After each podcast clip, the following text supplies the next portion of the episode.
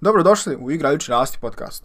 Sve više primjećujemo djecu sa raznim odstupanjima u govoru i jeziku. Često ne znamo kada i kome da se obratimo. I ponekad izgubimo dragocjeno vrijeme. Zato su tu logopedi i logopedija. Šta je to logopedija i ko su logopedi? To ćemo danas saznati jer razgovaramo sa našom današnjom gošćom Majom Terzić, master defektologom logopedom iz logopedskog kabineta Logovox u Sarajevu. Majo, dobro nam došla u Igrajući rasti podcast. Bolje vas našla.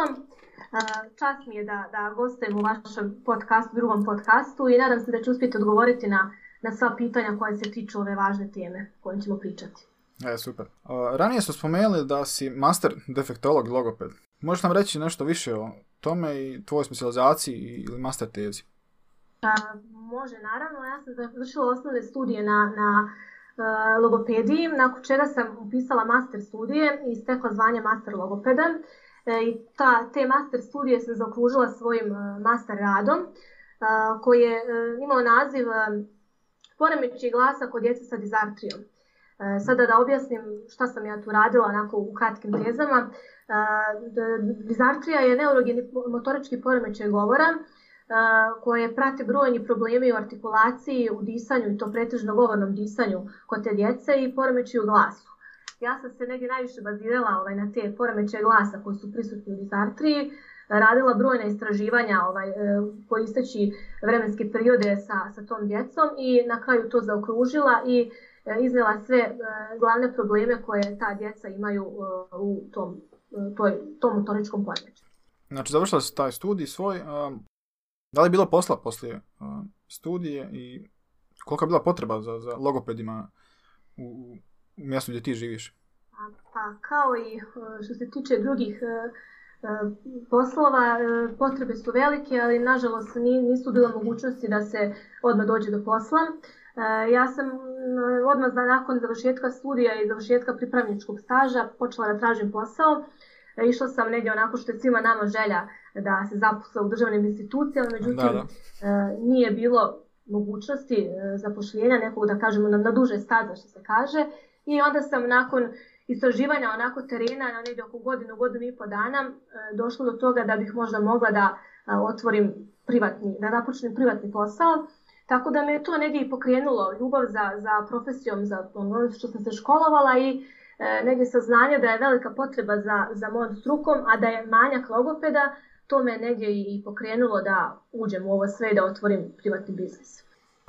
Znači ima potrebe za logopedima? Pa ima, ima velike potrebe i za logopedima i za defektolozima prije svega. E, to je posljedica toga što je sve e, više razvojnih poteškoća, znači u tom nekom osjetljivom dječjem razvojnom periodu. E, mali je broj institucija koja, kao što sam rekla, zapošljava logopede, pa tako su ti ljudi sa svojom djecom primorani da, da ovaj e, traže privatne logopede i da krijeću na, na tretmane. E, moja informacija koju sam dobila upravo tražeći, to je pokušat ću da se zaposlim u državnoj instituciji, da se u jednom domu zdravlja ovdje u Sarajevu čeka na, na prvi pregled logopeda čak negdje od 4 do 6 mjeseci.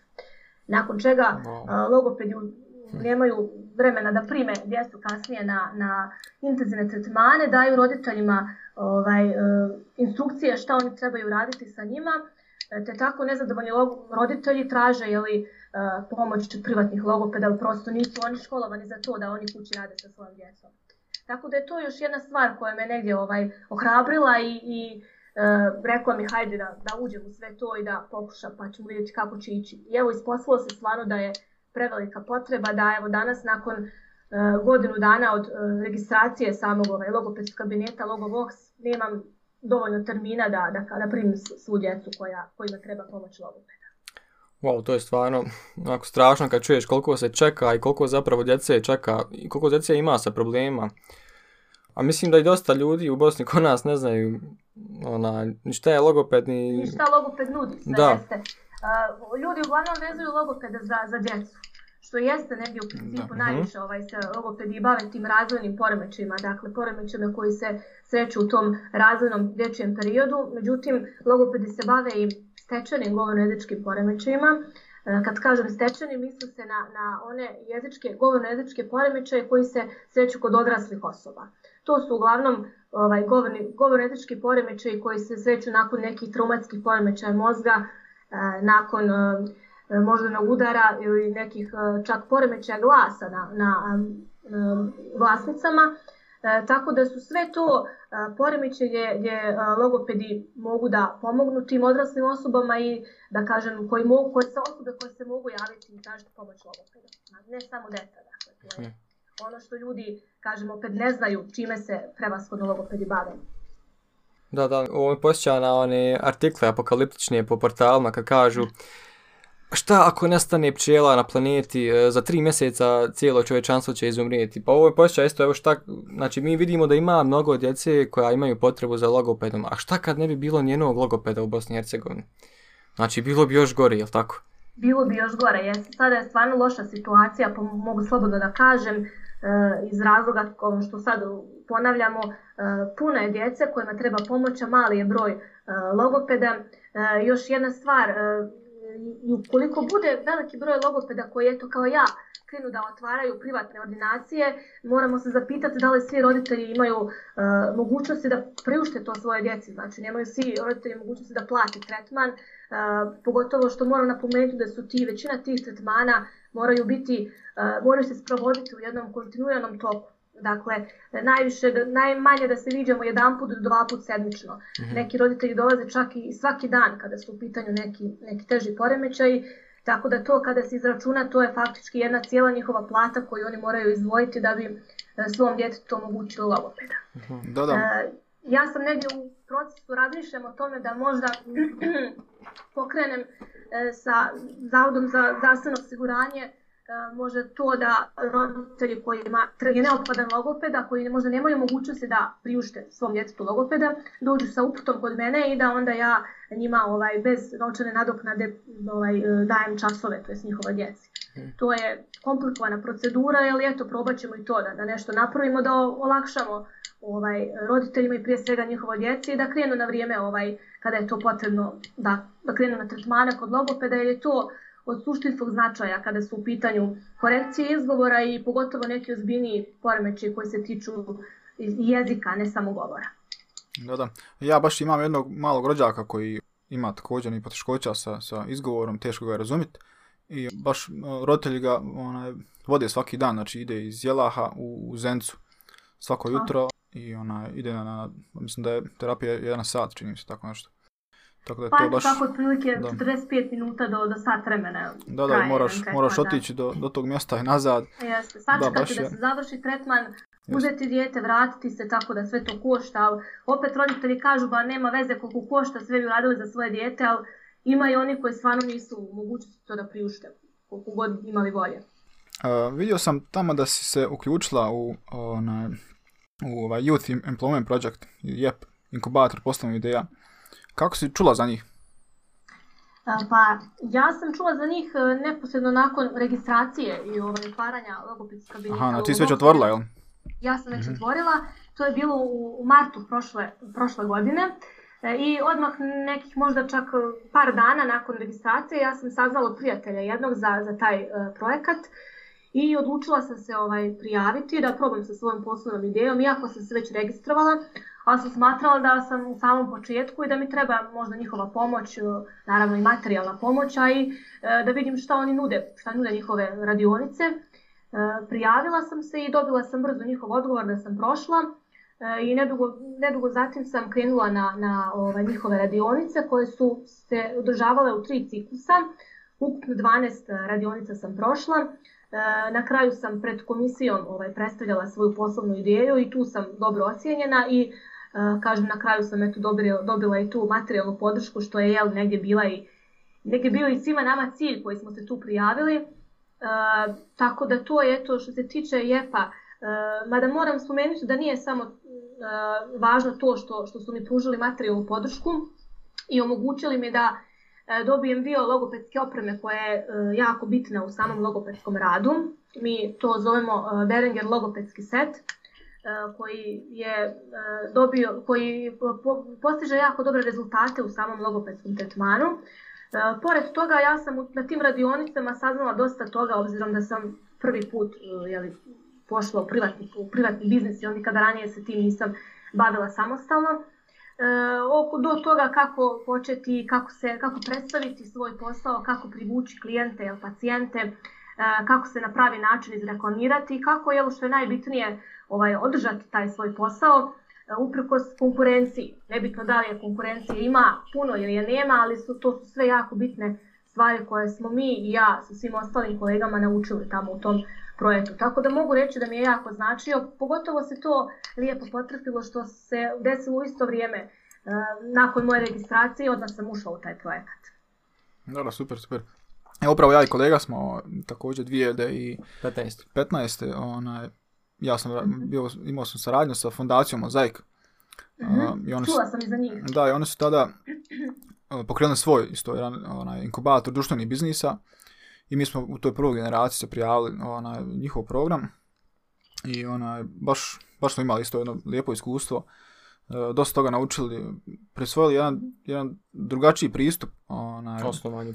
osnivanju firme. Znači, onaj, nije to ono klasično pisanje biznis plana, nego smo onaj, baš koristili neke metode kako da dođemo do, na ideju kako, kako otići i evo na primjer u slučaju razgovarati s roditeljima, uh, tetama u vrtiću, uh, logopedima, uh, kako, kako ona, napraviti proizvod koji, koji će svi oni koristiti i koji će ono biti imati baš I kako ga predstaviti stvari na, na stvari na pravi način i uvjeriti sve te osobe zašto ste baš vi ti koji, da, od da. kojih oni trebaju kupiti to. Isto tako i ja, zašto sam ja baš ta gdje kome roditelji trebaju dovesti svoje dijete.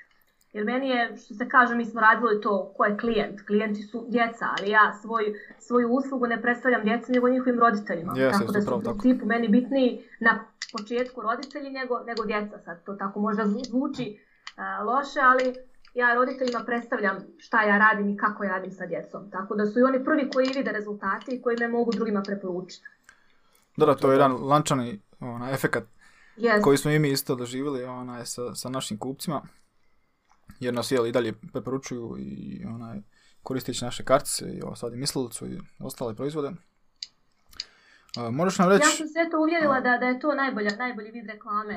Uh, bolje čak i od web sajta i od svih drugih ovaj, uh, vrsta marketinga. Preporuka je najbolja reklama. To je, mislim, za sve poslove, a pogotovo za ove gdje, gdje o, za one ljude koji nude uslugu konkretno. Ali to i vi proizvod, mislim, ukoliko se nekome dopadne, sigurno će vas preporučiti.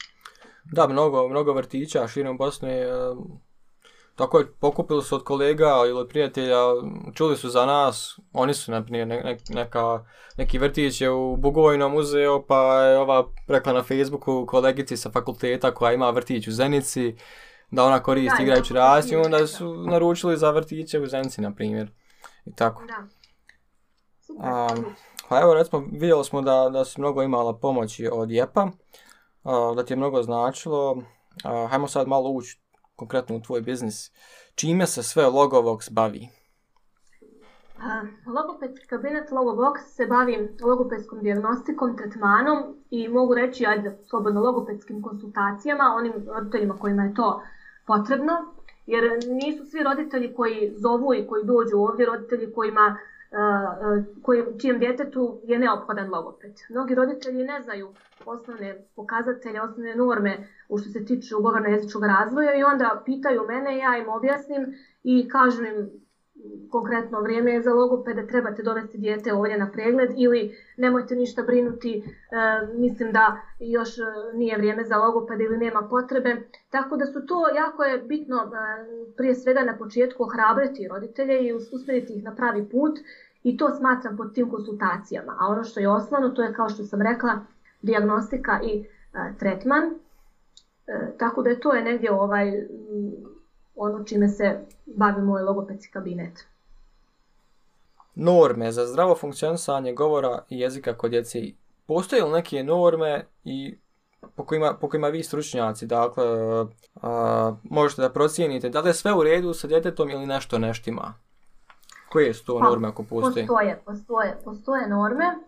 U principu trebali bismo da znamo i, i ja savjetujem roditeljima ukoliko dođu sa manjom djecom, negdje uzrasta od dvije do tri godine, da se negdje na neki način edukuju. Hvala Bogu, danas imamo i taj internet i možemo svašta i pročitati i naučiti i smatram da bi svaki roditelj, ne mora baš sve da zna, ali bar neke osnovne norme trebao znati što se tiče osnovnog razvoja, ne samo govorno jezičnog, nego i ostali stvari vezani za, za njegovo dijete. Što se tiče normi vezani za govor i jezik, postoje i negdje ukoliko vidim da nešto nije u redu i onda i preporučim roditeljima da trebaju dovesti dijete, E, kada je u pitanju recimo e, sam izgovor glasova, e, roditelji, roditeljima se kaže da otprilike dijete do navršene šeste godine bi trebalo imati sve glasove maternjeg jezika, tačnije sve glasove korektno i pravilno izgovarati. Um, opet uzimamo u obzir grupe glasova. Neki glasovi se trebaju izgovarati do navršene četvrte godine. Ukoliko uh, dijete nepravilno izgovara uh, određeni glas, a ima 4,5 ili 5 godina, uh, svakako ga trebamo uključiti u logopedski tretman.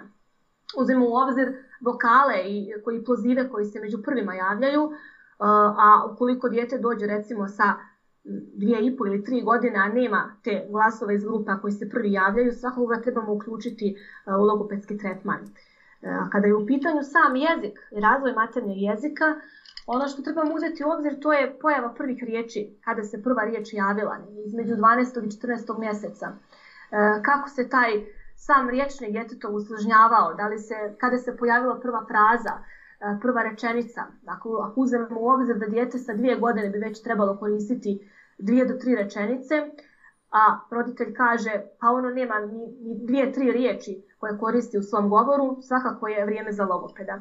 Ono što mi logopedi uvijek kažemo jeste da, a što nažalost neki drugi stručnjaci savjetuju ovaj, e, te roditelje koji su u velikom neznanju, jeste da je to je ono, pa nema veze, hajde progovorit će, pa da, da. ima tek pet godina, ima, ima vremena, sačekaj da krene u školu, to je jako pogrešno i e, što se tiče samog započinjenja logopedskog tretmana nikada ne može biti rano, može biti samo kasno. Da. Tako da što se prije započne, to, to je bolje i to će biti brži i bolji rezultati za dijete. Dobro, evo, čuli su slušatelji. Naravno se da neće čekati da škola počne pa da se tek onda uče riječi Nadamo se, to je kod mene veliki problem. Uglavnom dođu tako negdje kad dijete dođe u taj preškolski uzrast i onda učiteljice u vrtiću, vaspitačice, ona u savjetu da treba ići kod logopeda, roditelji su prije toga mislili da će se to samo od sebe ispraviti i onda dođu sa rečenicom hajde možemo li da učinimo on, nešto, on kreće za tri mjeseca u školu. To je stvarno ovaj, pogreška i, i može se i tad ispraviti naravno, ali zašto da džabe stvaramo stres i roditelju i djetetu kad je bolje početi nešto na, na vrijeme i, i da imamo vremena da se to sve lagano ispravi. Da. Znači, sad kako, kako neki roditelj može da, da, da zna kada je vrijeme da, da posjeti logopeda i ko još, ko još, onaj, ko još učestvuje u tom procesu? Da li, da li onaj, oni, jel kada vode dijete pedijatru, na primjer, da li, da li pedijatar može da im, da im onaj, preporuči logopeda? Da. Onaj, kako oni mogu da prepoznaju tako te neke, neke stvari koji, koji se dešavaju na roditelju, ne znam, na, na, na, djetetu, na djetetu, na primjer, da kaže, da pozove dijete imenom, a ono, ne odaziva se ili, ili kako, kako mogu kao tako da osjete neke stvari, iako nisu stručni u, u tome? Da, pa eto, obično roditelji nekad i sami se jave, jel, upravo to kao, kao što si rekao, ovaj, primete da se dijete ne odaziva. E, nažalost, veliki je broj poremećaja kod djece, e, taj poremećaj nerazumijevanja. To je upravo to, znači da roditelji zovu svoje dijete njegovim imenom, a da se dijete ili ne okreće ili ne odaziva ili ne razumije šta mu roditelj poručuje, šta roditelj zahtjeva od njega. I smatram da bi svaki roditelj mogao da kada se tako nešto dogodi, e, mogao biti svjestan, aha, sad nešto nije u redu i trebao bi se javiti logopedu. Mislim da svi znaju da ako ništa drugo, logopedi se bave tim, znači ovaj, diagnostikom poremeća govora jezika kod djece. Ono što sam spomenula, ne moraju znati da radimo i sa odraslima, ali e, trebali bi bar to znati. E, ono što je također bitno, moram napomenuti da e, e logopedi nekada ne rade sami. Kako bi se dala pravilna diagnostika i kako bi mi sami logopedi znali šta je u pitanju, bitan je taj multidisciplinarni tim koji nažalost ne uvijek ne, baš ne funkcioniše, upravo iz razloga što su pedijatri ti što sad ispade da ja sad sve ono ružim, i, ali nažalost tako je e, da dosta pedijatri to ne umiju da prepoznaju. Pa onda upravo tako savjetuju roditeljima, sve je u redu sa njim, ako on razumije, ne, njemu ne treba logoped, a ako ne govori, progovorit će. Ukoliko dijete, roditelj dovede dijete u neku instituciju, pretpostavljam kod pedijatra, ako on ima prvi, prvi ovaj, kontakt sa njim, on je taj koji treba prvi uputiti ovaj, roditelja, to je dijete, dijete kod, kod logopeda, ukoliko već roditelj sam nije nešto primijetio. Kada govorimo o diagnostici logopedskoj, pored logopeda tu su i psiholozi, tu su i defektolozi, radni terapeuti, također ono što sam malo prije spomenula, poremeće razumijevanja. Kada dođe dijete kod koga roditelj ima osjećaj da on ne razumije baš sve što mu roditelj kaže, također logoped onda radi procenu samog razumijevanja. Ukoliko to i dalje nešto ima, mi uvijek upućujemo na procjenu sluha. Dakle, ono što je najbitnije u samom procesu diagnostike jeste ta diferencijalna dijagnoza. To znači da isključimo sve one druge uzročnike koji su koji su tu, da kažemo, mogući da su izazvali taj zastoj u samom razvoju govora. Ukoliko se na procjeni sluha pokaže to da je sluh očuvan, onda dijete znači stupa u sam logopedski proces. To je to kada, kada se govori o samim poremećajima razumijevanja. Nažalost, danas je sve više razvojnih poremećaja, tih razvojnih disfazija, gdje ne možemo reći to je ekspresivni tip i to je receptivni tip. Šta znači? To je ekspresivni tip ili govorni tip, da dijete ima samo problem u govoru ili samo problem u razumijevanju.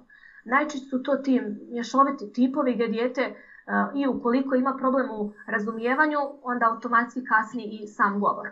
Tako da je to, mogu reći slobodno, jedna kompleksna oblast gdje pored uh, logopeda nekad potrebno ovaj, uh, uključiti i oralo specijalistu, uh, ne tako rijetko i samog psihologa. Tako da tek nakon kompletne diagnostike i kompletnih nalaza možemo znati šta je u pitanju i kako na pravi način da pomognemo tom djetetu. To naravno nije uvijek situacija, ali kažem, nažalost, danas je sve više i više tih kompleksnih razvojnih poremećaja gdje da bismo znali šta da radimo, trebamo imati mišljenja više stručnjaka. Da li, da li roditelji moraju čekati, jel, da, da, što kaže, ulicom da prođe neka baba sa hljebom ona, u torbi i da jel, nahrani dijete, ona, nakon čega će ona odmah da progovori ili, ili ona, kako se oglušiti od tih nekih ona, familijarnih a, komentara? Pa evo ovako, opet se vraćam na to šta bi roditelji ne šta moraju, nego šta bi trebalo da znaju. Uh, jeste to da eto ovaj, nama kao, kao ljudskoj vrsti jeste taj govor i negdje urođen i dobijamo ga rođenjem. Uh, a s drugom stranom, uh, dijelom i govor učimo imitacijom. Kako kažem imitacijom, dakle, učimo od naših roditelja, najviše od majke, jeli, ovaj, ona provodi najviše vremena sa nama od rođenja pa nadalje. Tako da, obzirom da, da, se, da se govor uči nekim, nekom imitacijom, e, jako je bitna stalna govorna stimulacija djeteta od strane roditelja. Dakle, ne možemo da čekamo da djete samo od sebe progovori ili samo od sebe ispravi neki govorni poremećaj ukoliko ga ima, e, nego ga moramo ispravljati, raditi na tome i govorno stimulisati. E, zato je jako bitno, jako su bitni ti govorni obrazci, kako nam se roditelji obraćaju. Ukoliko, ukoliko dijete pita nešto roditelja, a on mu kratko odgovori jednom rečenicom, ne možemo onda očekivati da i to dijete bude pričljivo ukoliko roditelj nije to. Uh mhm. -huh. Tako da sve to ima svoje negdje i genetike, negdje i te stalne e, stimulacije.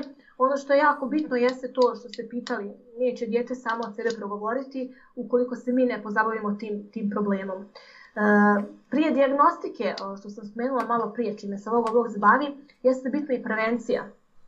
Dakle, šta je prevencija? Da, da ne čekamo da se to eventualno pojavi u tom nekom osjetljivom dječjem periodu, nego da to spriječimo. Kako možemo spriječiti? Tako što ćemo stalno pričati sa djetetom. Čak i kada mislimo da nas djete ne razumije, da je još malo da ima godinu dana, da nije čak ni napunilo godinu dana, ono nas sve razumije i svakako ćemo napraviti jednu lijepu podlogu i onemogućiti da nešto se kasnije javi, neki problem u, u razvoju i govoru. Kažem, nije pravilo, ali je svakako bolje da više pričamo sa djetetom i na taj način ga govorno stimulišemo, nego da čekamo da se taj govor sam od sebe javi, jer kažem, neće, nećemo dobiti ono što očekujemo uvijek.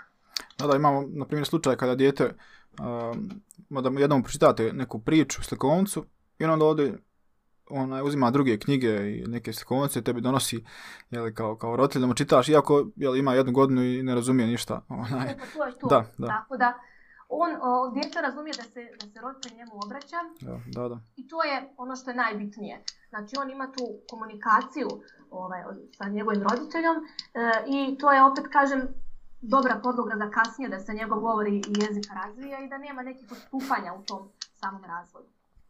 Ok, evo čuli smo u nekim prethodnim pitanjima kako ima i previše djece, ne možeš sve da ih primiš u- kabinet. A, ali evo, kroz ove s kojima si radila, koji su to neki najčešći slučajevi koja su djeca imala tokom tvog rada? Pa eto, danas, nažalost, na, najveći broj slučajeva je tih ovaj, e, kašnjenja u govorno-jezičkom razvoju, kako mi logopedi kažemo razvojne disfazije. E, razvojna disfazija predstavlja govorno-jezički poremećaj gdje djetetov govorno-jezički razvoj nije u skladu sa jezičkim, govorno-jezičkim normama i to dijete odstupa od djece tipičnog razvoja. Sreću se brojni problemi i u artikulaciji, na leksičkom nivou, na gramatičkom nivou, semantičkom nivou, znači dijete gradi rečenicu na nepravilan način, te su prisutni brojni agramatizmi i obično ljudi kažu aha ja njega ništa ne razumijem, kako će onda krene u školu, kako će savladati gradivo. Ono što kasnije može biti, opet kažem, nije, nije pravilo, ali se u velikom broju slučajeva dešava da ta djeca koja su imala e, razvojnu disfaziju u tom ovaj, e, razvojnom periodu, kasnije kada krenu u školu, e, obično ih prate i problemi u savladavanju čitanja i pisanja. Tako da opet, opet se vraćam na ono da je jako bitno ovaj, krenuti što prije u, u sam logopedski proces kada su u pitanju ti, te razvojne disfazije ili kako mi kažemo kasno progovaranje ili zastoj u govorno-jezičkom razvoju. E, Sreću se veoma puno i razvojne dislalije, E, to je poremećaj gdje e, dijete nije u mogućnosti da izgovara pravilno određene glasove maternjeg jezika. E, to je ono zašto najčešće roditelji i ostali drugi ljudi vezuju logopeda. Oni svi misle, aha, logoped je to je onaj što ispravlja glas R i L, ali nije Da. uvijek tako. Kažem, ima i, ima i te djece, ali to je manje dosta u odnosu na kompleksnije razvojne jezičke poremećaje, one razvojne disfolije što sam sad spomenula, i pervazivne poremećaje razvoja, u okviru čega se sreću, sreće autizam, koji svi znamo šta je, e, i razni, kažem, drugi poremećaji koji se svrstavaju u spektar autizma, a nemaju te simptome da bi karakterisali sam autizam. E, toga je dosta, nažalost, e, dosta danas. I ono što također moram spomenuti e, jesu poremeći pažnje. Ali to nije ono klasično moje dijete je nemirno, nego e, ozbiljni poremeći pažnje i koncentracije gdje dijete ne može da se usresredi na to što se radi. E, također i ukoliko je neophodna sama logopedska, e, logopedska, logopedski tretman, e, to je otežano jer dijete nema pravilnu koncentraciju i pažnju. U ovim slučajevima se treba uključiti eventualno i psiholog i defektolog kako bi mi logopedi svoj posao, primaran posao mogli da obavljamo na najbolji mogući način i kako bi mogli ispraviti korekcije u govoru i jeziku, opet raditi na toj samoj pažnji. Ali, kažem ti, razvojni poremećaj kompletno, znači i što se tiče pažnje i čitanja, pisanja, a prije svega jezika su danas dosta, dosta zastupljeni kod, kod djece, uzrasta od već tamo druge dvije i po godine pa do polaska u školu. Ovo vidimo da ima jako dosta različitih slučajeva, znači. A, a možeš nam objasniti kako izgleda jedan logopedski pregled kod tebe? Ili općenito, jel? Pa je ovako da roditelji dođu sa djetetom, uh, ja prije toga porazgovaram sa, sa roditeljom šta je u pitanju, uh, zašto misle da, da im treba logoped Mhm. uh, i ono što je, od čega se počinje jeste uzimanje osnovnih anamnestičkih podataka od roditelja. Dakle, da se vidi da li je možda u pitanju neka genetika nešto, da li, je u pitanju, da li su u pitanju neki prenatalni ili, ili postnatalni faktori koji su direktno mogli utjecati na, na zastoj u samom uh, govorno-jezičkom razvoju. E, također uzima se i porodična anamneza, ne mora biti uvijek pravilo, ali može se desiti da je, koliko je otac ili majka kasnije progovorilo, da će i njihovo dijete kasnije progovoriti. I onda se stupa u, u samu dijagnostiku, ovaj, e, to je procenu dijagnostikovanja djeteta. E, zato se uzimaju e, baterije testova ukoliko se procenjuju djeca nešto starijeg uzrasta, dakle to su ti predškolci ili oni koji već su krenuli u školu, a ukoliko se radi dijagnostika djece mlađeg uzrasta od 2 do 4 godine, e, najčešće to jako teško ovaj, e, dijagnostikovati upravo zbog toga što djete neće da sarađuje kada dođe prvi put u kabinet ili, ili plače ili je opet ta pažnja što je negdje i normalno za djecu mlađeg uzrasta da je ona ovaj, kratkotrajna, onda se to najčešće dijagnostikuje observacijom sa gledanjem kako se djete igra, e, kako se običa svojim roditeljima, kako ovaj uzima igračke, da li slaže slagalicu, kakva je njegova pažnja i jako je teško kod te djece, znači pogotovo ukoliko im je pažnja kratkotrajna, da se nakon prvog pregleda da, da kažem, hajde dijagnoza ili da se zna šta bi se tu moglo raditi. Dakle, sa djecom mlađeg uzrasta, pogotovo kada neće da surađuju, radi se negdje dva do tri puta, kažem, dolaska i onda nakon toga se stupa u logopedski tretman ili se daju savjeti roditeljima kako da, da radi kući sa djetetom. Uh, tako da je to otprilike negdje ovaj, kompletna logopedska dijagnostika i kasnije uvod u samu logopedsku terapiju ili logopedske tretmane. Mhm. Znači ne treba odustajati ako dijete na prvom jel, tretmanu nije, ne sarađuje, nego nastaviti ne treba nekako. nikako, znači ima metoda. Ne, ne na tretmanu, nego i samo, samom Da. procesu dijagnostike. Da, da, tu sam kažem mislio. teško da, znati šta je sa djetetom. Nekada je čak i kada uradimo testove, kada su djeca starija pa urad- uradimo testove, ne trebamo se držati tih testova jer nisu nužno ispravni. Mhm. Može se desiti da, da dijete na testu dobije dobre rezultate, a da opet kasnije to ne zna baš na pravi način da primijeni u, u njegovoj komunikaciji. Tako da da bismo imali pravu sliku djeteta i djetetovog problema, trebali bismo malo više da se pozabavimo, a ne samo na, tom, na toj prvoj dijagnostici. Ali u ve- većem broju slučajeva, eto to prvi, na osnovu, već na osnovu prvog, da kažem, pregleda se negdje otprilike zna šta je u pitanju i šta bi se trebalo i kako raditi, tako da u najvećem broju slučajeva već nakon drugog, drugi put roditelji nakon prvog, prve, da kažem, posjete i dijagnostike dolaze i kreće se sa, sa tretmanima. A ovako, znači, spomenula si da radiš sa djetetom, znači to je neki tretman od pola sata, 40 minuta, sat, sat vremena, ali zapravo ostalo je uh, vrijeme roditelja. A, svo, sva ova životna dinamika koju imamo, jel, onaj, kod roditelja, koliko je bitan rad roditelja, jel, oca ili majke, u, zapravo oca i majke, a, u procesu jel, rješavanja ovih govornih jezičkih poteškoća.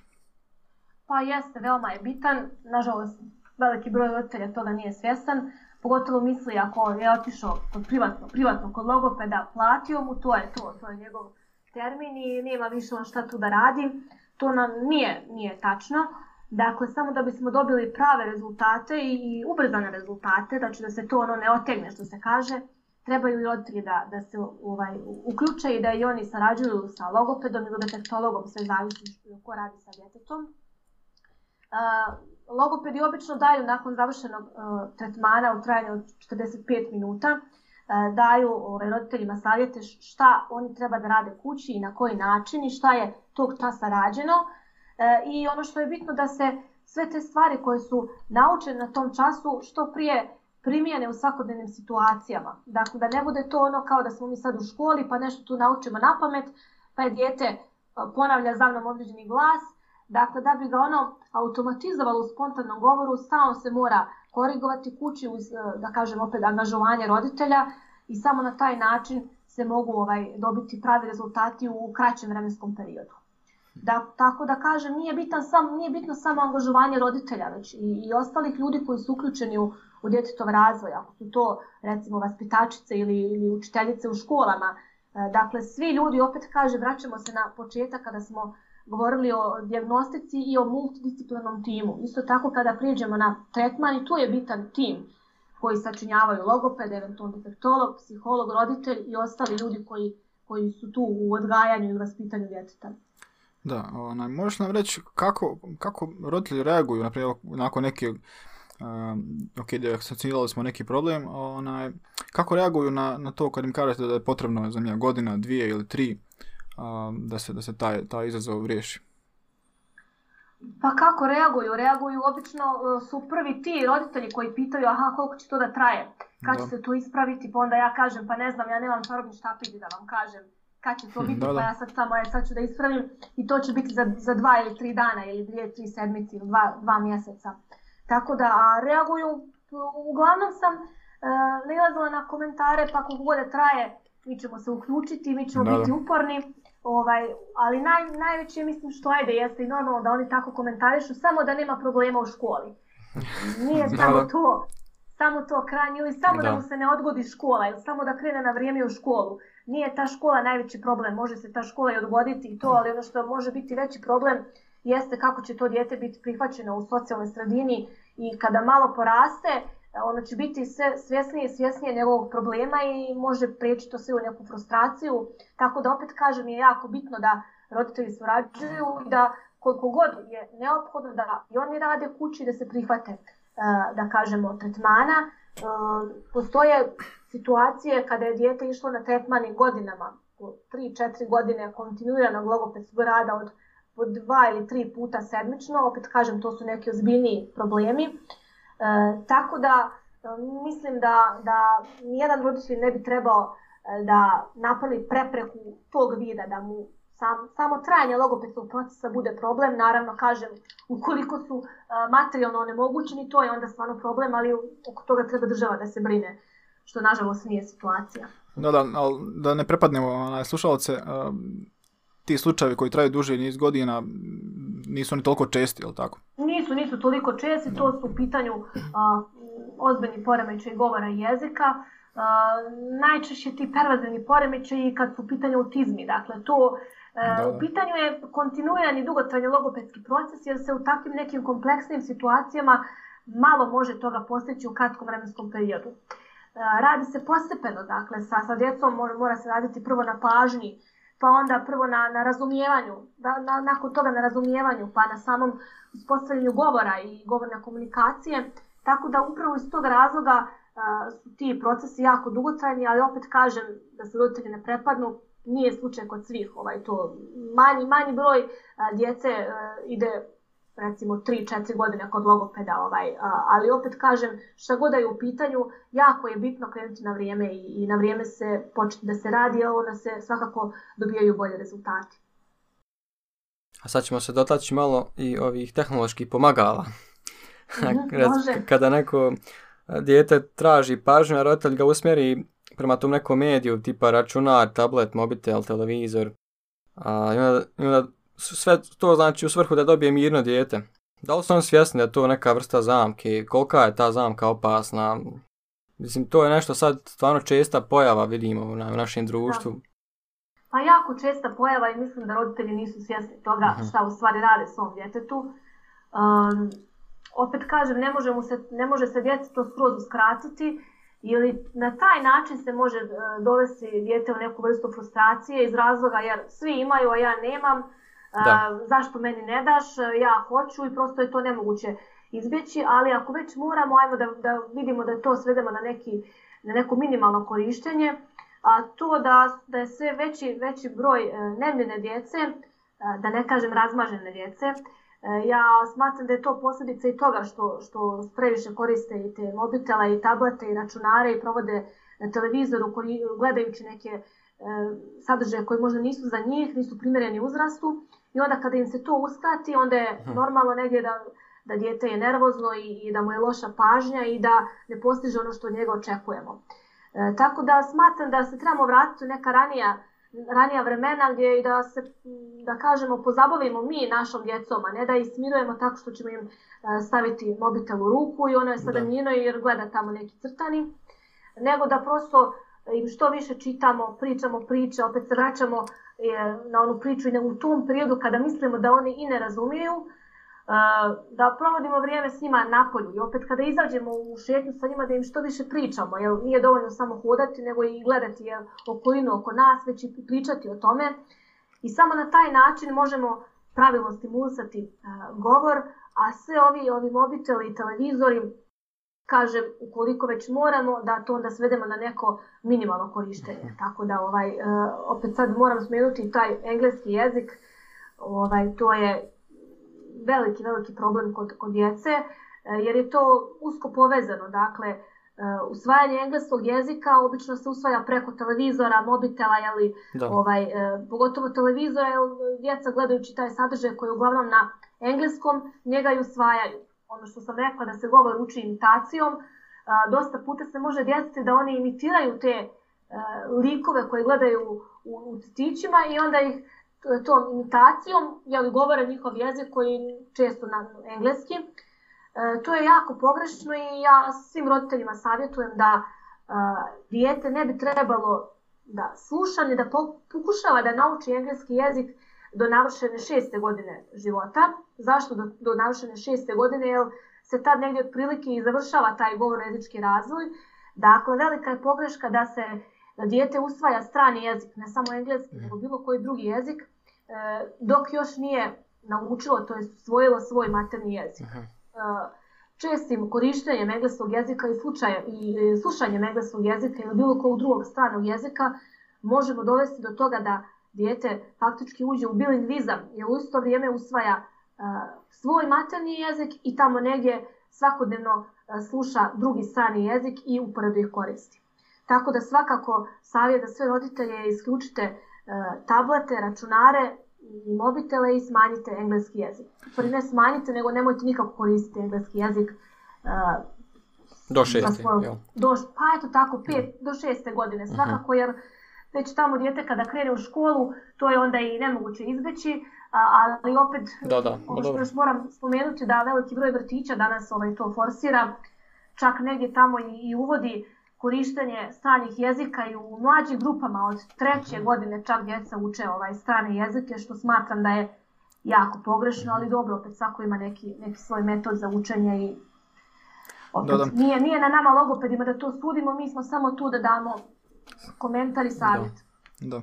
A šta ako se desi ako oni, na primjer, onaj, gledaju crtiće i na engleskom i on, na primjer, uzme ono izgovor slova R, da kaže, ne znam, na primjer, uh, write ili run, a to R je ono, da. malo dosta mekše od ovog našeg R. Ili, na primjer, kad dijete pitate ono, koje boje sunce, on kaže yellow.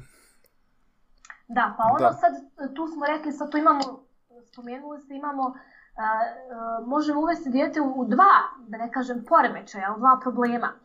Kada smo rekli ako dijete izgovara to, to mekše englesko R, dobijamo govorni poremećaj. Dakle, dijete ne izgovara pravilno mhm. glas svog maternjeg jezika, glas R koji je vibrant i koji mora imati snažnu vibraciju, upravo stalno gledajući, slušajući i ponavljajući to, taj izgovor engleskog glasa R. Znači imamo govorni poremećaj, a ovamo kada je u pitanju Kada pitamo dijete koja je ovo boja, dakle radimo na formiranju uh, pojma boja, uh, gdje koji isto već se mora negdje javiti tamo oko četvrte godine, dijete nam kaže yellow, dakle tu imamo problem i na jezičkom samom nivou. Uh, problem u vladavanju osnovnih pojmova, pojma broja, pojma boja, koji se javljaju u određenom uzrastu. Tako, tako dakle, možemo i sami zaključiti iz navedenog da možemo samo naškoditi svom djetetu i da ne možemo napraviti zastoj u samom razvoju govora i jezika, ali negdje napraviti zbrku, obzirom da sam govorno-jezički razvoj još nije razvijen i da se te stvari trebaju, opet kažem, e, učiti tek kada se kompletni govorno-jezički razvoj nauči i kada smo sigurni da je dijete uh, savladalo uh, sve nivoje svog maternjeg jezika i kada sve glasove pravilno izgovara. Hajde da vidimo sada kako se može nositi sa mucanjem djeteta roditelj. Šta može tu poduzeti? Eto kažem i to je ovaj isto uh, jedan od problema za koji ljudi i roditelji vezuju logopede i uh-huh. nije, ne mogu reći da je toliko prisutan, uh, ali ono što moramo prije svega da bi se roditelji pravilno nosili, a i, i slušalci koji rade na tom poremećaju, dakle logopedi, uh, prije svega se mora naći uzročnik. Dakle, zašto je to mucanje nastalo? Ima više vrsta mucanja, moram uzeti u obzir razvojno mucanje koje se ne mora javljati kod sve djece, ali kod djece kod koje se javi e, ne treba se tretirati, dakle već tamo negdje oko pete godine može prestati samo od sebe, tako da takvu vrstu mucanja ne moramo tretirati. Ono se obično javlja, opet kažem, u tom nekom razvojnom periodu i najčešće kao posljedica toga što djete nije usvojilo sve glasove, što ne zna značenje svih riječi, pa onda nije čak ni, ni pravo mucanje, nego za muckivanje. Uh -huh. e, druge vrste mucanja su razvojno mucanje, koje se javlja u tom ovaj periodu predškolskom i poslije polaska u školu i u kasnijem dječjem periodu, koje se svakako mora tretirati, mora, znači mora se staviti pod logopedski tretman. I e, također jedna od vrlo, da kažemo, rasprostranjenih ili prisutnih e, Mucanje jeste e, psihogeno ili psihološko mucanje, e, što je mucanje koje nastaje kao posljedica nekog doživljenog stresa Mm, trauma ili stresne situacije djeteta. Također može se javiti kod odraslih ljudi. E, I u, tom, u toj situaciji tretiramo e, uzročnika mucanja. Dakle, gledamo da sklonimo taj stres ili da e, dijete, e, da kažemo, ne bude u nekim stresnim situacijama koje mogu još više, e, do, koje mogu doći do povećanja mucanja. Kako se nositi, dakle, i to kao i sa drugim e, problemima koji se tiču govora i jezika, bitno je da dijete krene što prije na tretman. On, vraćam se opet na, na uzročnika ukoliko znamo koji je uzročnik koji je doveo do mucanja. E, I ono što je najbitnije, što je svakako prvi savjet koji se daje roditelju, jeste da ne ispravlja dijete. Dakle, da kada dijete počinje da, da muca, ne raditi na ispravljanju, ne raditi na e, ne komentarisati i ne upućivati sve one negativne komentare djeteta poput pa kako, pa nije tako, pa hajde stani, pa hajde udahni, pa razmisli, jer to su sve stvari koje mogu samo još pospješiti to mucanje i da kažemo negdje uvesti dijete u frustraciju i obeshrabriti ga, e, već raditi po posebnim metodama ovaj, e, koje, koje mi logopedi e, primjenjujemo u tretmanu. I za svu vrstu mucanja, ono što je vrste mucanja jako bitno raditi na govornom disanju. Spomenula sam malo i sad vraćam na početak da sam u svom master radu pričala o dizartrijama, a jedan od Da. osnovnih problema dizartrija jeste govorno disanje. Govorno disanje može biti problem i u e, mucanju, tako da ono što je najbitnije jeste da a, prije početka samog tretmana radimo na pravilnom disanju, na tim pravilnim respiracijama, koje ujedno mogu biti i e, neka vrsta, to jest metoda relaksacije samog pacijenta, djeteta ili odrasle osobe. Tako da kažem, e, jedini savjet je poći na vrijeme sa tretmanima, pravilno se nositi sa samim mucanjem djeteta i opet također biti uključen ovaj, u sam tretman e, mucanja. Da. E, koliko zapravo ona fina motorika, crtanje, pisanje, ono, šaranje, škrabanje, e, zapravo utječe na, na razvoj govora? Pa, to je naučno dokazano da, da je fina motorika povezana sa razvojem govora, da ne kažem baš da se paralelno razvijaju. E, opet kažem, ne mora biti e, pravilo i ne mora biti prisutno kod sve djece, ali ustanovljeno je da kod velikog broja djece koje su imala neke razvoj, zastoje u govorno-jezičkom razvoju, da su postojali i zastoji u toj finoj motorici. Kada uzmemo razvoj same motorike, krećemo od razvoja fine motorike, dakle, do grube motorike, dakle kada dijete prohodava, kada počinje da sjedi, kada skače, trči, skače jeste, nakon čega e, se počinje polako razvijati i fina motorika, dakle motorika prstiju, motorika ruku, e, koju najčešće kada radimo u samim tretmanima pa kažemo hajmo sad da radimo na razvoju fine motorike pa dijete e, slaže slagalice pa e, niže recimo kocke od najveće ka najmanjoj. To je opet predoslov za razvoj grafomotorike kada spremamo dijete za kada se dijete sprema pred polazak u školu, dakle pa- pravilno držanje olovke i to što ste vi rekli škrabanje, žvrljanje koje se ja- javlja u nekom ranijem periodu, ranijem uzrastu djeteta, e, do toga da dijete može da pravilno drži olovku i da a, piše, jel, ovaj, i da, se, da piše slova koja uči a, u školi. Tako da ovaj, e, ono što ja primjenjujem u svo- svojim logopedskim tretmanima, pogotovo kada su u pitanju a, predškolci, kada ih trebamo pripremiti za te grafomotoričke sposobnosti, jeste svakako, a, graf, jesu svakako grafomotoričke vježbe. E, tako da ono što bitno je jako u samom razvoju govora, e, trebamo se igrati sa djecom. Nekad roditelji kada kažu šta logopedi to rade, igraju se, slažu slagalice ili recimo dobacuju se loptom, e, ne shvataju značaj toga. Znači koliko je bitna razvojna, razvoj same motorike, grube i pogotovo fine u samom razvoju govora. E, Eto sad je jedan zanimljiv primjer, eto sada kada posmatramo djecu koja se obučavaju u pisanju, pogotovo tako kada su na početku i kada su tu, tu nekom predškolskom periodu, obratite pažnju kako dijete zine onako ili isplazi jezik kada nešto radi polako pa onako ovaj hoće Da, da, da. se skoncentriše. Dakle, Da. to su opet usta, usta, jezik i Mm, e, pokreti znači ruku. Tako da se i to negdje može ovaj, na zanimljiv način dovesti u vezu koliko je stvari govor i, i motorika koliko su povezani. To je jako zanimljivo. Uvijek sam se pitao zašto onaj... Imao sam jednog prijatelja u prvom razredu i ja pišem normalno, međutim on sjedi kraj mene i jezik je splazio i piše ona slova ku, nekako uživljen. Trudi se, jes, da Da, kao da se trudi.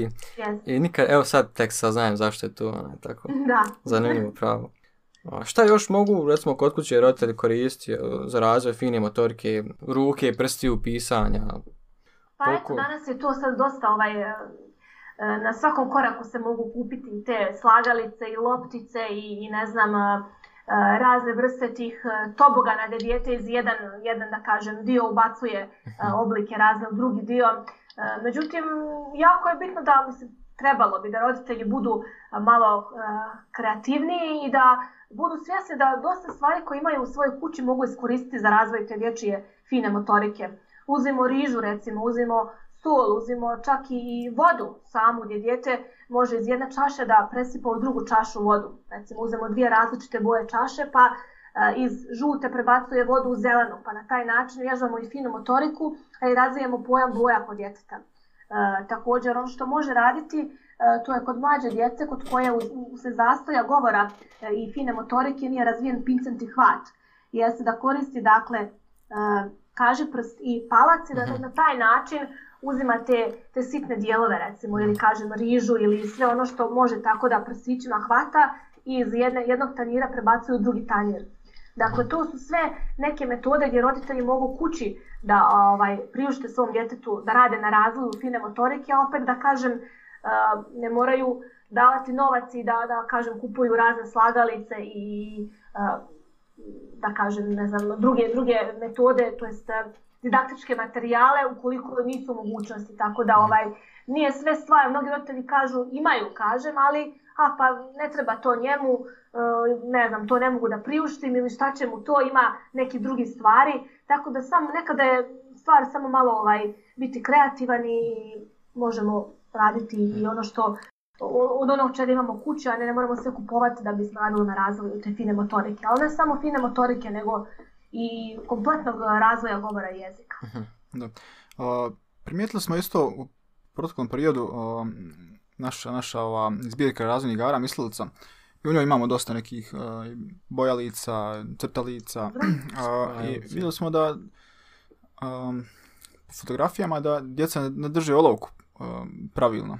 Onaj, Da. da li, da li, da li im je, da li im je ona, koliko je to zastupljeno i zapravo um, šta, šta oni mogu tu raditi da, da isprave to. Vidjeli smo negdje na nekim fotografijama da ima, imaju nek, kao gumeni dodaci za, za, za olovke i flomastere. Jeste, jeste. E Da. pa sad to što sam malo prije pričala, e, kako, kako roditelji kući mogu da, da rade na razvoju ovaj, fine motorike, to je negdje za taj neki raniji uzrast djece, znači otprilike od dvije godine do, do četiri godine. Kada djeca dođu u taj uzrast da se trebaju spremati za školu, gdje, gdje trebaju raditi konkretno na tim grafomotoričkim e, sposobnostima i, i vježbama, e, tu je onda konkretno radi se na držanju olovke. Dakle, tu dolaze onda e, te vaše što ste rekli slikovnice i razne bojanke, e, gdje dijete onda najčešće sada radimo na tome gdje ima određeni model, ovaj, određene tačkice koje su sprekidane, pa ono treba da ide ovaj, olovkom po tim tačkicama, ali da prati znači niz i da ne ide ni iznad ni ispod, nego tačno po tačkicama. To je jako veliki problem za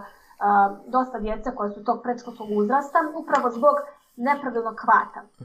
Dakle, djeca ili koriste cijelom šakom, uzmu olovku pa onda pišu, ovaj, drže tako olovku i tu koriste i u bojanju i u pisanju, što je nepravilan hvat za njihov uzrast. To je pravilan hvat negdje za a, dijete od dvije, dvije i po godine, a ono ga koristi sa pet i po godina. A, tada možemo raditi a, to što ste rekli, znači e, kupiti razne gumene dodatke koji se mogu staviti na olovku, one su najčešće trouglastog izgleda, e, gdje dijete ovaj, samo po sebi, po izgledu tog, tog gumenog dodatka mora da koristi tri prsta. Dakle, to su srednji prst, palac i kaži prst, što je inače, što je inače pravilan hvat za, za grafomotorički, ovaj, grafomotoriku i za pisanje. E, također, jedan od trikova koje mogu reći ovaj, roditeljima, ja i ovaj, govorim njima šta mogu raditi, jeste takozvani krokodilski hvat.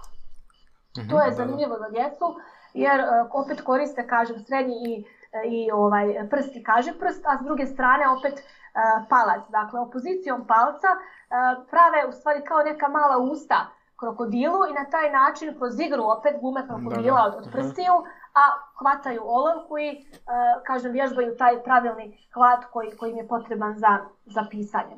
Tako da, kažem, postoji dosta tih trikova, ali i tu je jako bitno da se insistira na tome da dijete pravilno drži olovku, jer opet se vraćamo na povezanost te fine motorike, grafomotorike sa razvojem jezika. Uh, samo rad, rad i to je najbitnije. E, istraživati, gledati, tražiti pomoći stručnjaka, a stvarno imamo sreću što je dosta toga danas e, dostupno na, na internetu, tako da se roditelji ukoliko žele mogu educirati na više načina. Pa da, mi smo u Mislicu napravili tako da razvija upravo te znači prstiće i šaku i držanje lovke. Ima dosta tih zadataka zabavnih u njoj koji baš se tiču tog spajanja linija, povlačenja, Da. i tako Da. to. Pričali smo kako djeca mnogo koriste te mobitele i tablete. Izgleda da u njih samo palac se razvija kako dru, dru, druga četiri prsta zapravo podupiru mobitel u ruci, jel tako? Jeste, da, samo je palac aktivan. Da. Pa eto, ima, ima koristi u tim mobitelima, ajde to da aktiviraju palac, pa im to bude lakše kasnije kad vježbaju grafomotoričke te vježbe. Da, ostala dva prsta ne funkcionišu. Ostala dva prsta, pa to moramo mi logopedi vježbati sa Da, njima da, da. defektolozi. Urade nešto i roditelji tako što daju ovaj mobitele, pa hajde, oni, oni rade na razvoju palca, a mi Da. radimo na razvoju, kaže prsta i srednjeg prsta.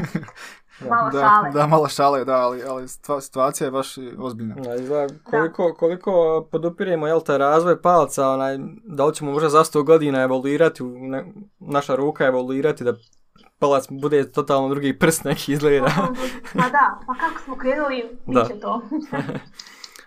um, U jednom promotivnom videu, dok sam malo istraživao na tvojoj stranici, vidio sam, e, imaš jednu djevojčicu sa kojom radiš i kažeš da, e, ako nije bila uključena, ja, da nije bila uključena u tretman e, kod tebe, možda te godine ne bi ni krenula u školu. Kako, kako gledaš na te situacije u, i promjene koje, se, koje vidiš na djeci s kojim radiš? Pa, jako je teško nositi sa takvim jednim, da kažem, stanjem djeteta, gdje imate s jedne strane roditelje koji su u panici, koji ne znaju kako da reaguju, kako su do toga doveli njihovo dijete, kako su dopustili da nisu, da dijete nije prije pošlo na logopedske tretmane, nego su došli do bukvalno, ajde da kažem, do, do kraja puta gdje nemaju izbora i što sada da rade, moraju da odgode školu. A s druge strane, dijete s kojim, s kojim se mora stvarno intenzivno raditi, gdje nemamo, da kažemo, vremena za, ni za čekanje, ni za bilo koji vrst, da kažemo, hajmo sad mi žalimo to kako ćemo, šta ćemo da radimo, nego e, smatram da uvijek treba pokušati i da je o, odlud škole, da kažemo, zadnja solucija. E, ta djevojčica je imala e, jednu, jedan vid razvojne disfazije, dakle imala je e, kompletno zaostajanje u, u govorničkom razvoju u odnosu na djecu tipične, tipičnih sposobnosti. E, imala je problema u leksici, problema u semantici e, i u sintaksi samoj, dakle nesposobnost e, sklapanja rečenica. E, također imala je ono što je svojstveno djece negdje, što se javlja već oko četvrte godine, e, to je pričanje e, priča po slici. Dakle, da dijete kada vidi sliku, samo sliku bez, bez teksta, naravno ja ne znam još da, da pročita, e, može već da sklopi neku priču na osnovu tri slike koja ima, da kažemo, jednu cijelinu. E, ona sa, sa pet i pol godina tada to i nije imala mogućnost toga, tako da je e, pošla na intenzivne logopedske tretmane koji su se održavali tri puta sedmično i negdje oko pola godine rada mi smo došli do toga da je ona e, otišla na testiranje u školu i gdje su oni e, došli do toga da ona može da krene u školu, na što sam ja bila veoma sretna jer smo postigli e, jedan veli, veoma veliki uspjeh. E, ona je nakon polaska u školu dolazila još jedno e, otprilike mjesec, mjesec i po dana na tretmane, nakon čega uh, sam dobila informaciju da je učiteljica jako pohvalila i da prosto uh, je ista kao i sva ostala djeca, tako da više nema potrebe za, za logopedom. Uh, I ovdje bi se možda izbjegli tu stresnu situaciju za, za roditelje i za svoje dijete, da je dijete krenulo na vrijeme kod logopeda. Uh, međutim, kažem, nije uvijek tako sve crno, može se nekada, ovaj, ako se dođe ono u 5 do 12, ispraviti to, ali kažem, bespotrebno se stvara stres uh, roditeljima i djeci, Da, da. sve je bolje početi na vrijeme nego da se čeka zadnji trenutak. Približavamo se kraju našeg podcasta i želimo iskoristiti priliku da odgovorimo na nekoliko pitanja koje smo dobili od naših uh, pratilaca. Prvo pitanje je uh, anonimno i glasi ovako, malo je poduže. Znači, pitanje u vezi zastoja u govoru. Kaže, imam sina od dvije godine, točnije 25 mjeseci. Motorički je uvijek bio napredan za svoju dob, međutim, govor nam kasni. Samo inicijativno smo ga suprug i ja odveli na procjenu kod logopeda prije mjesec dana. Prvi logoped, znači privatni, nam je rekao kako su potrebne logopedske terapije dva puta tjedna, a logoped u bolnici nam je savjetovao da vježbamo pažnju, jer govor kasni zbog slabije pažnje. Ono što mene zanima, kako da potičem govor kod djeteta. Koje vježbe pažnje mi logoped može savjetovati da ih provodim kod kuće i vježbanje za govor. I vježbe za govor. E, danas su vam stigle vaše kartice i mislilice i veselim se radu s njima. Moje dijete zna reći mama, tata, ajde, daj, ne i tako dalje. Međutim, to je rijetko kada. Imamo kontakt očima, pokazuje gestom što želi, znači primi za ruku i odvede nas do željenog mjesta. Pokazuje što želi. Razumije osnovne naredbe, odaziva se na svoje ime i tako dalje. Prije tri tjedna smo ukinuli gledanje TV-a, korištenje mobitela u potpunosti, a jako u tome je bio e, izložen. Izbacili smo većinu igračaka, smatram da mu je pažnja narušena upravo zbog ekranizacije i slabijih odgojnih mjera. Ja i muž smo dosta blagi roditelji i nemamo čvrste granice. Sada se trudimo da to promijenimo. U igri koristimo slikovnice, bojice, puzle, lego kocke. Trudim se da što više imenujem stvari, e, znači životinje i tako dalje. Isto tako opisujem životinje, čitam priče, međutim on nikako ne želi ponavljati ono što mu kaže. Naprimjer, kaže krava, mu, me i tako dalje. Razumijem da ga ne smijem pritiskati, ali me muči e, da li smo na dobrom putu. Šta još možemo raditi da poboljšamo pažnju i suradnju pri govoru. Svačam da je svako dijete individualno, ali isto tako primjećujemo da moje dijete jako malo priča u odnosu na svoje vršnjake. Zapravo, skoro pa ništa. Moram već napomenuti da, da često koristi svoj jezik, znači gda, ta, gata i slično. Često odgovara na naša pitanja svojim jezikom, koristi ga u komunikaciji sa drugim ljudima dok se igra. Eto, unaprijed hvala na svakoj riječi. Što se tiče ovog prvog pitanja, uh, bitno je reći, znači opet se vraćamo na one uh, razvojne pokazatelje. Dakle, da roditelji moraju da znaju uh, šta je bitno i šta se kada javlja u kom uzrastu, u kom mjesecu, u kojoj godini kod njihovog djeteta. Moram napraviti malo prvo uvod, pa onda reći šta, šta mogu savjetovati da se radi sa djetetom.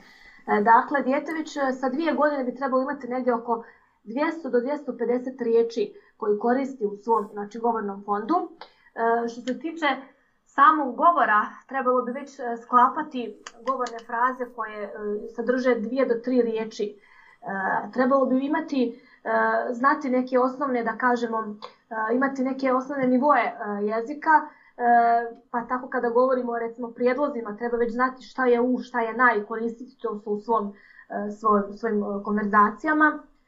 Treba znati pokazati šta je gore, šta je dole, treba da odgovara na postavljena pitanja. Dakle, to su sve neke, neki osnovni pokazatelji koji govore da li je djetetov razvoj pravilan ili nešto, nešto zaostaje.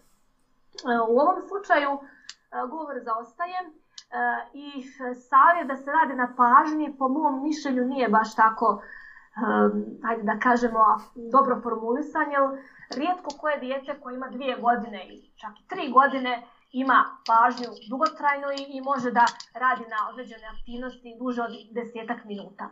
Tako da e, trebamo gledati da s, konkretno e, konkretan logopedski rad sa djetetom, e, ukoliko roditelji nemaju mogućnosti da ga vode logopedu, da počnu prije svega prvo kući da rade tu govornu stimulaciju. E, moj savjet je da rade da počnu prije svega sa igrama. Dakle, to su igre, da, ne igre, takozvane, postavljanje pitanja djetetu, gdje roditelj treba prije svega da vidi kakvo je njegovo razumijevanje. Dakle, postavimo neko pitanje, jednostavno pitanje, e, da li je ovo recimo jabuka, pa da vidimo da li će djete odgovoriti sa da ili ne, ili će samo baciti recimo jabuku, odmaknuti glavu, što može biti uh, forma negativnog odgovora. E, dakle, prije svega procijeniti razumijevanje, ukoliko roditelj to može sam da uradi. E, raditi na pjesmicama. Dakle, pjesmice su zakon za, za progovaranje kod mlađe djece, pjesmice u rimama, jer se negdje je dokazano da se i kroz rimu riječi lakše usvajaju. E, jako bitno da djete stekne tu svoju telesnu šemu. Dakle, da zna da pokaže na sebi gdje, gdje su njegove oči, gdje je njegova glava, a gdje su mamine oči, gdje je mamina glava. To se isto može učiti kroz pjesmice. Recimo, kroz rime ava, ava, ava, to je moja glava, recimo, može tako. Mm -hmm. I ono što je bitno na, na insistiranju progovaranja jeste da sve bude postepeno. Dakle, ne možemo djetetu reći, hajde reci viljuška odjednom. O, da. E, nego da pratimo opet te e, razne norme u javljanju osnovnih glasova. E, dakle, da ukoliko dijete ima dvije godine, ono bi već trebalo imati sve vokale, trebalo bi imati e, glasove iz grupe ploziva, to su glasovi P, B, K, G, T, D.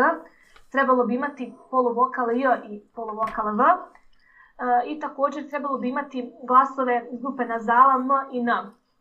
Tako da, ukoliko radimo na progovaranju, svakako majka treba da koristi riječi u kojima su pretežno zastupljeni ti glasovi.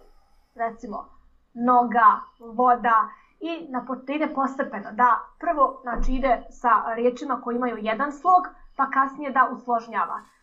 Sve što radimo i sve što vježbamo jako je bitna postupnost, tako i ovdje. E, ne treba se čekati E, sam rad na pažnji i ovo je rad na pažnji, tako da ne postoje konkretne vježbe gdje bismo mi usmjerili pažnju djetetovu od dvije godine, e, jedino su to igrice, dakle, lego, kockice, slagalice, ono što je majka već ispomenula, tako da slobodno može to da, da nastavi da radi, a što se tiče progovaranja djeteta, e, kratke riječi, riječi koje sadrže ove glasove koje sam spomenula, dakle glasove koji se prvi javljaju u normalnom toku govornog razvoja, E, i postepeno. Znači to je ovaj bitno. Svakako ukoliko se e, bilo šta ne javi u roku od mjesec, mjesec i po dana, ja savjetujem odlazak logopedu, ako ne i što prije da se procjeni svakako to razumijevanje. Jer ukoliko je razumijevanje oštećeno, može se desiti da to ovaj uslovljava taj usporedni govorno-jezički razvoj. Drugo pitanje poslala Senada. Naime, imamo dječaka koji je jako kasno progovorio. U nestručnim savjetima pedijatra i specijaliste za ORL, jako, jako kasno smo mu uz mačne napone primijetili da ima prokrvaljen uh, frenulom. Praktički je imao za, zavezan jezik koji je bio ograničenih pokreta.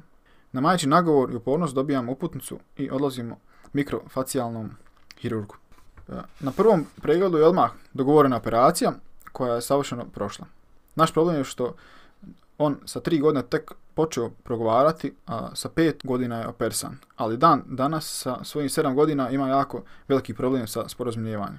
Nepravilno disanje na nos, ubrzan govor koji dovodi do neispravnog izgovora.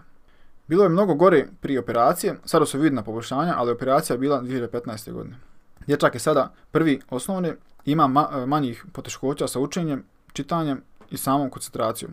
Logoped je rekao da svaki glas u izgovoru postojan i ispravan, osim slova L, koje pretvara u neko e, debelo, duboko V i da će zbog e, brzine govora i odugovlačenja operacije biti dugotrajan 100% oporavak.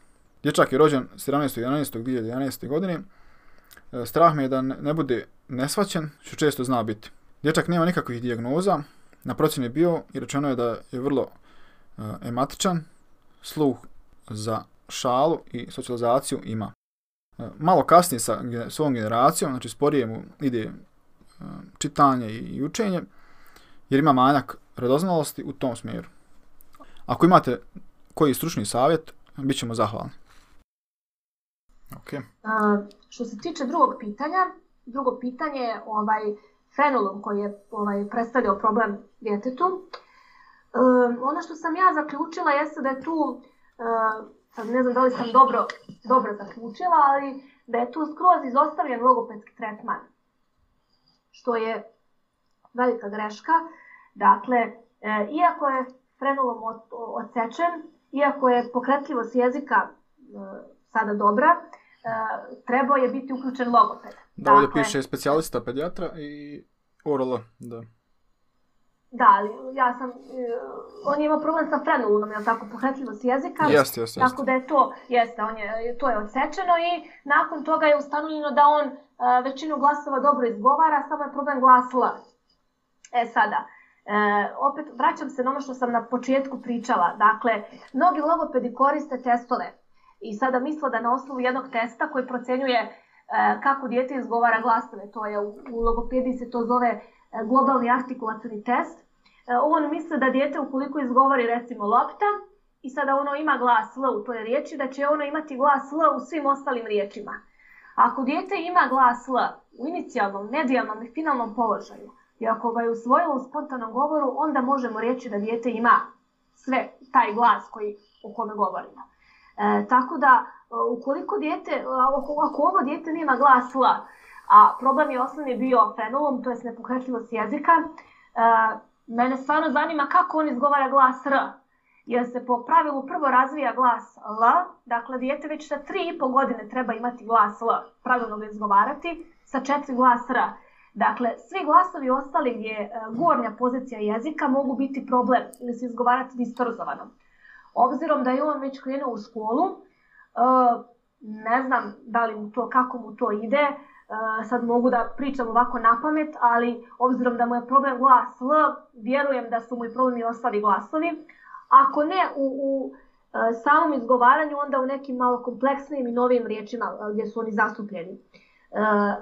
Spomenula sam malo prije kada dijete ima problem u govoru u jeziku da mogu biti kasnije i česte posljedice, problemi i, i u učenju i u savladavanju čitanja i pisanja, što je i ovdje, mislim, Da, da, on piše kasnije sa, sa svojom generacijom, sporije yes. mu ide čitanje yes. i učenje, da. Jeste. Tako da tu je svakako smatram, ako već nije uključen logoped, potrebno uključiti logopeda, uh-huh. raditi na, na primarnoj stvari, to je znači korekcija izgovora glasa L i ostali glasova ukoliko predstavljaju problem. Nije samo u pitanju glas, u pitanju je govor, u pitanju je i sam jezik, dakle kako to dijete formuliše rečenicu, Ka, kakvi su njegovi iskazi, da li su razumljivi samo njegovim roditeljima ili njegovim vršnjacima u školi, njegovim učiteljicama i ostalo. Kakve su rečenice, da li su rečenice gramatične, E, dakle, sve se to treba uzeti u obzir, nije najbitnije da li on izgovara određeni glas. E, I opet kažem, raditi na e, savladavanju tih poteškoća u ovladavanju čitanja, kasnije i pisanja i vjerujem na pažnju. Čim je problem u učenju, tu može biti problem pažnja. Tako da, jedan jedini konkretni savjet moj majci je ovo, jeste da se dijete uključi u logopedski tretman. Tako da, da ne bi bilo kasnije i veći problema kada krene da piše, kada savlada sva slova, pa dođe eventualno do disgrafije da zamjenjuje slična slova, što nije tako čest slučaj kada su u pitanju ovi razvojni, ranji razvojni poremećaj. Znači, uključiti dijete u, te, u logopedski tretman. E, treće pitanje je poslala Jasmina e, i kaže do koje dobi možemo tolerisati takozvano tepanje u govoru? E, pa ono što sam na početku govorila, dakle osnovni govorno-jezički pokazatelji kada se koji glas treba razviti, imamo po grupama. E, mogu reći, znači ono što je po pravilu jeste da svi glasovi maternjeg jezika trebaju korektno izgovarati, to pravilno izgovarati do navršene treće godine djeteta. E, prvo se javljaju vokali, da, dakle djete sa dvije do dvije i pol godine treba imati sve vokale, plozive, glasove P, B, K, G, T lateral glas L negdje oko treće godine se, se dobija. Uh, nazali kao što su glas M i N se već dobijaju sa, sa prvom godinom.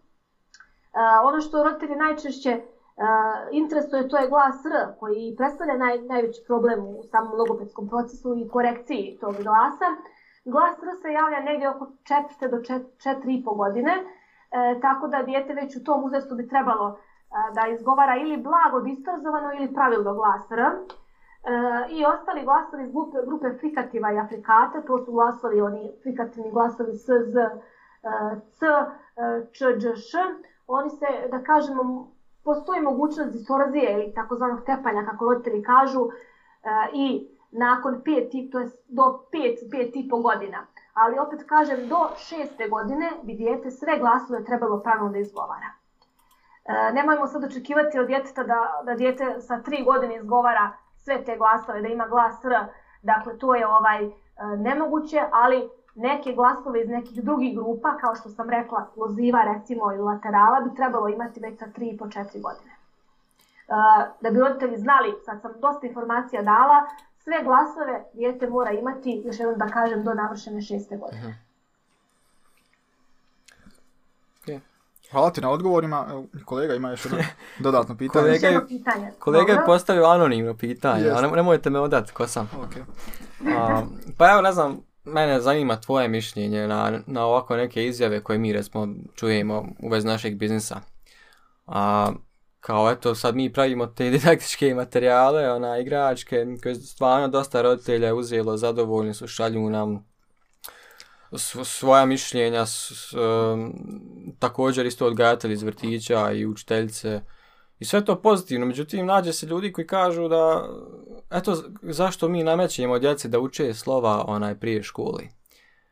A Aha. meni je to nekako, mislim, imam ja neke svoje, šta bi rekao tim ljudima, ali recimo želim čuti mišljenje nekog stručnjaka. Šta ti Mogu misliš to, o da. tome? Da li trebaju djeca učiti slova prije sedme godine ili trebaju čekati da krenu u školu? Pa ja sam imala, ja imam e, ne baš takve ovaj probleme, ali slične probleme sa djecom. E, Sad ću malo, mali uvod napraviti, ali vezano je sa tim. E, Dakle, nama kada dođu predškolci, djeca koja trebaju krenuti uskoro u, u školu, u prvi razred, Aha. mi primjenjujemo logopedi određenu bateriju testova. Jedna od testova jeste test koji se zove analiza i sinteza. Analiza i sinteza predstavlja test, sad ću objasniti najjednostavnije da svi razumiju. Ok. Znači u sklopu same analize jeste to da dijete e, riječ koja mu se izgovori treba uslovno rečeno da analizira. Dakle, recimo, ako ja kažem kuća, ja trebam da pitam dijete koje je e, prvo slovo u riječi kuća. Onda Mhm. kaže naravno slovo K. Koje je zadnje slovo u riječi kuća? Da kaže slovo A. Koliko ima slova riječ kuća? Da kaže četiri. Dakle, to su neke od pitanja e, koje bi predškolci trebali znati. Mhm. E, U sklopu sinteze se primjenjuju testovi u vidu. Kada kažem s, a, t, koju sam riječ rekla? Znači, dijete treba da spoji sva tri slova Mhm. i da dobije jednu riječ sat.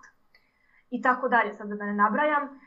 Sad mogu slobodno reći od e, desetoro recimo djece, samo će jedno dijete znati da odgovori na ta pitanja. Wow. A to su testovi koji se po pravilu daju predškolcima. Dakle, predškolci bi trebali znati da odgovore na ta pitanja.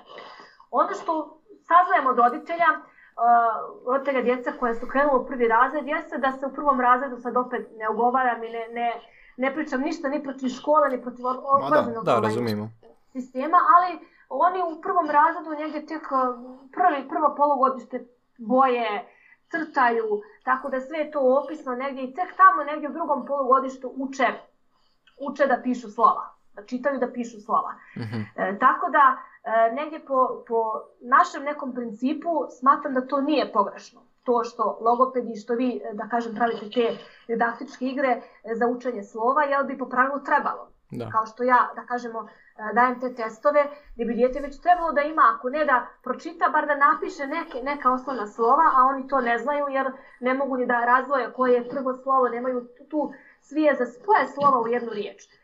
Tako da ovaj smatram e, da nije pogrešno. E, ima razne vrste djece, ima djece koja se interesuju za to.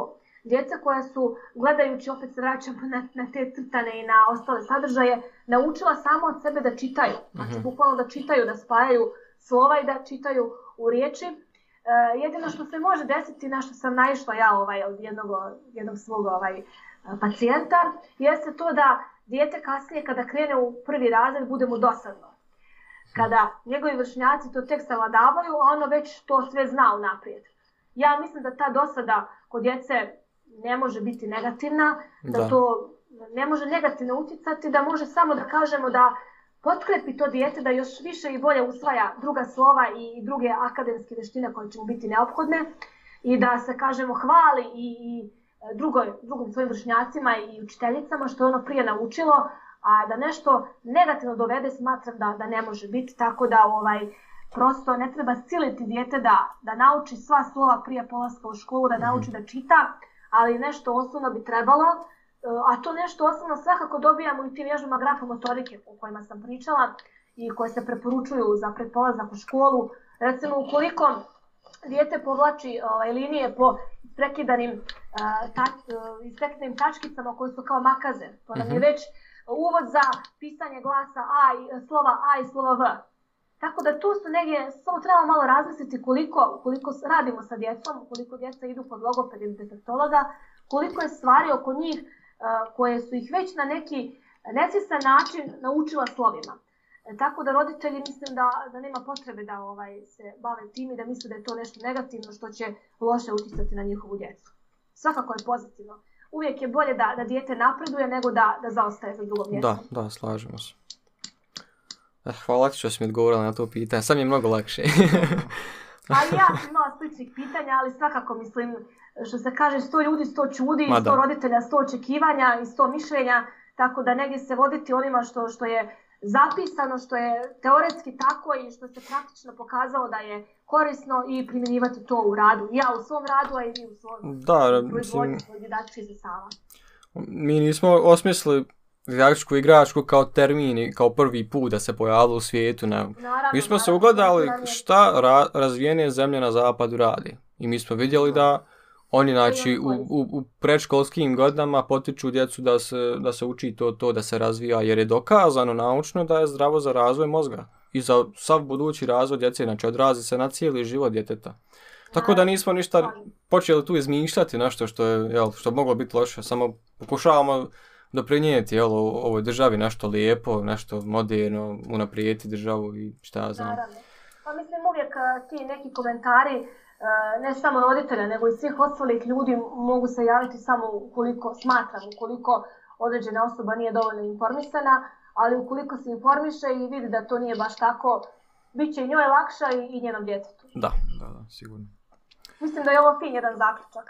Da, i evo za kraj, uh, možeš nam reći uh, gdje roditelji, ili Sarajeva ili, ili okoline, mogu da pronađu onaj, tvoj logopedski kabinet i kako da vas kontaktiraju, da li se plaća prvi pre- pregled i tako neke stvari osnovne. E, Pa evo ovako, ja, ja se nalazim u, u Hrasnom, to je naselje u Sarajevu, ulica je Azize Šačer-Begović. E, I ono što uvijek kažem roditeljima koji se prvi put javljaju, pa negdje hoću da objasnim gdje, gdje je moja lokacija, jeste da je vrlo lako naći i roditeljima koji dolaze autom ima, posjeduje se parking ovdje veliki gdje se mogu parkirati.